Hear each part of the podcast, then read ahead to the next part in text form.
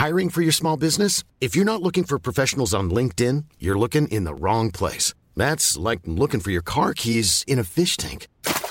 LinkedIn helps you hire professionals you can't find anywhere else, even those who aren't actively searching for a new job but might be open to the perfect role. In a given month, over 70% of LinkedIn users don't even visit other leading job sites. So start looking in the right place. With LinkedIn, you can hire professionals like a professional. Post your free job on linkedin.com slash people today.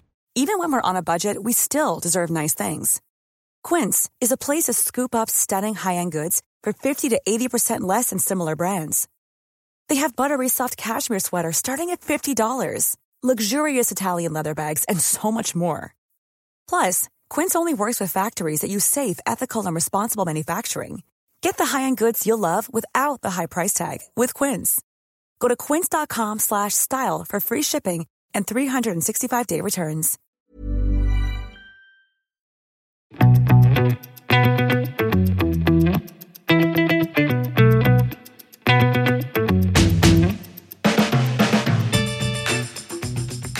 og velkommen til en spesialepisode av Klokkelandslaget. I dag har vi kun ett formål ved vår eksistens i lydform, og det er å svare på et spørsmål fra Eirik. Og spørsmålet lyder som følgende Er independent-merkene, eller klokker fra disse, blitt mainstream nå?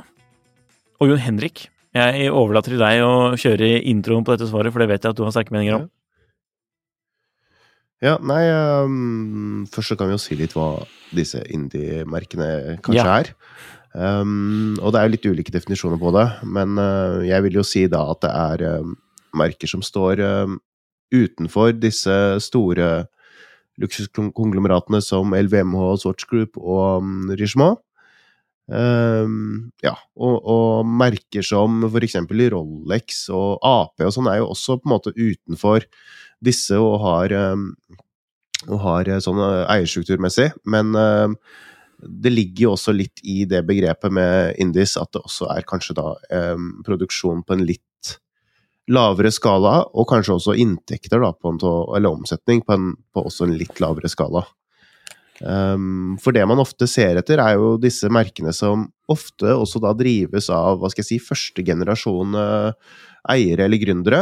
Um, og for å ta noen eksempler på det som jeg vil si er indie-merker, så, så kan man jo gå fra det litt mer hva skal jeg si, industrielle med Chapec og Moser og Speak, eh, Speak Marine og, og Jorn, til kanskje det mer sånn småskala ting som uh, Votilainen og Akrivia og ja, uh, Habring, Kudoke osv. Alle de kule. Alle de kule. Ehm, for å gå litt tilbake til spørsmålet igjen, så skjønner jeg godt hvor Eirik kommer fra, for det har vært veldig mye fokus på, på disse merkene. Er det helt mainstream? Hmm. Kanskje ikke helt, men, uh, veldig, men det har blitt veldig mer mainstream sånn innad i klokkekretser. Definitivt. Ehm, det er jo ikke så lenge siden man uh, ehm, var litt rar, eller uh, hadde veldig spesielle interesser hvis man visste hva Mm. Sarpaneva var. Um, nå vet jo nesten alle hva yep. det er. Uh, og også mange av disse navnene som vi nevnte tidligere nå, er jo ganske sånn kjente. Så ja, jeg, jeg um, kan være tilbøyelig til å si at det har gått, uh, gått ganske mye mer er mainstream, enig. og at man heller ikke blir nesten overrasket hvis det kanskje dukker opp i en eh, hva skal jeg si, en avis lager en eller annen artikkel om klokker, da, og så står det der eh, Og så er det Stefan Sarpaneva som eh, står der med den ene klokken i øyet. På forsiden av VG. Ikke sant? Ja. så ja, litt, eh, litt mainstream har det blitt. Eh, er det positivt, er det negativt? Hm, Jeg vet ikke. Det er eh, sikkert veldig hyggelig for disse, disse mm, urmakerne, da, som kanskje i mange år slet med å tjene til, eh, til livets opphold, og nå opplever en sånn enorm eh, interesse, i forhold til hvert fall relativt sett, da, i forhold til det det har vært. eh, Men føler du noe av det er litt sånn ukritisk også? Absolutt. Jeg føler det er også nå litt sånn um, Jeg vet ikke om jeg skal si at det er mange som prøver seg, men, men det er Det er det er jo en appetitt da, rundt dette her sånn, som er, har blitt ganske stor. Og en sånn lyst til å kanskje finne det nye kule, eller, eh, eller sikre seg også de beste investeringsobjektene. Så det er klar, helt klart både litt negativt og litt uh, Man ser det i auksjonene også, at det er, fryg, altså, det er veldig mye independent der også. Av de litt, av de litt mer mainstream independent, da, altså Jorn, uh, Ja. uh, Dibetun uh, og Mm. slike. De, de, de kommer liksom inn De kommer inn på to premisser, da, både independent, men også liksom top horology. Uh, så, Mm. Sånn sett er det kanskje ikke helt de, de riktige eksemplene. Men uh, var det ikke Ja. sånn at en sånn, det var noen uh, uh, En Kuruno ganske nylig på, for første gang på auksjon Nei, sorry, det var ikke det. Men uh, Nei, nå glemte jeg hva det markedet så det bare dropper. Men, men. Ja. På auksjoner er det i hvert fall mye mer independent enn før. Det er det. Og, så det er jo liksom dette pengeaspektet som jeg syns er utrolig kjipt, som øh, har blitt mye mer synlig innenfor også Som kanskje var grunnen til at folk flokket rundt indies i utgangspunktet, fordi for de liksom var litt lei av det derre investorpratet. Med sånn hvor, Hvilken Rolex skal jeg kjøpe for å tjene mest mulig? Liksom. Mens nå har det blitt hvilken indie skal jeg kjøpe Så, for å tjene men mest mulig kanskje- penger om tre år når jeg skal selge den igjen?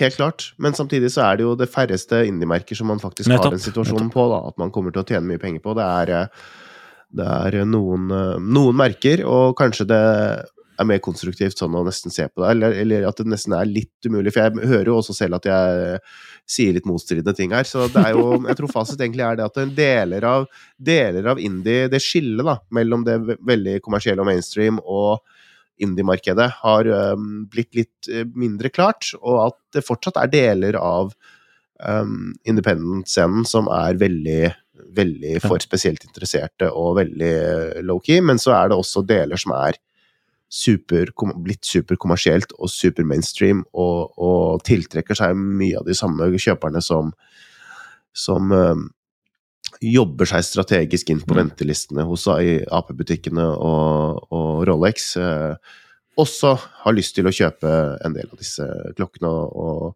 ja, jeg så jo bare et eksempel på det nå i, eh, i helgen, det kommer i en annen episode. Hvor vi pratet med noen som egentlig ikke var så veldig klokkeinteresserte, men som var litt interessert i kanskje litt den pengeaspektet, da. Og hvor liksom et merke som Jorn ble nevnt, da, som er eh, ja, ting som man skulle tenkt at det var Kanskje man hadde håpet på det at det var et merke som ikke var eh, Men det er jo eh, som, som var in, in, i- i- nevnt i den sammenhengen. Men eh, sånn Mm. har det jo blitt. I, og det i aller høyeste grad, når man ser på aksjoner osv. Så Independent Så- eh, hypen er blitt den nye Ja. inhouse-diskusjonen. Hvor man nå hvor, eh, med, hvor man egentlig kan lettest si det med en uh, sangtittel, 'Blurred Lines'. Er det ikke det? ok. Ja. Har du lyst til å poengtere noe mer, eller skal vi sette strek? Nei, jeg syns egentlig vi kan sende en strek der, jeg. Og, men vi tar fortsatt mot spørsmål, og syns man ikke at dette svaret var tilfredsstillende nok, så Ja, Prøv igjen. prøv igjen, som, vi, som de sa i militæret.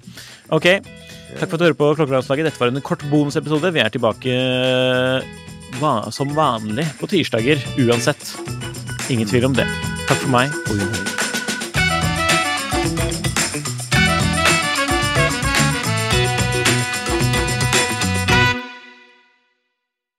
Klokkelandslaget er en Finansavisen-podkast i samarbeid med Tidso. Programleder er Nicolay Giel og Jon Henrik Haraldsen. Produsent er Lars Brenden Skram. Podkast- og videoansvarlig er Marius Mørk Larsen. Og ansvarlig redaktør er Trygve Hegnar.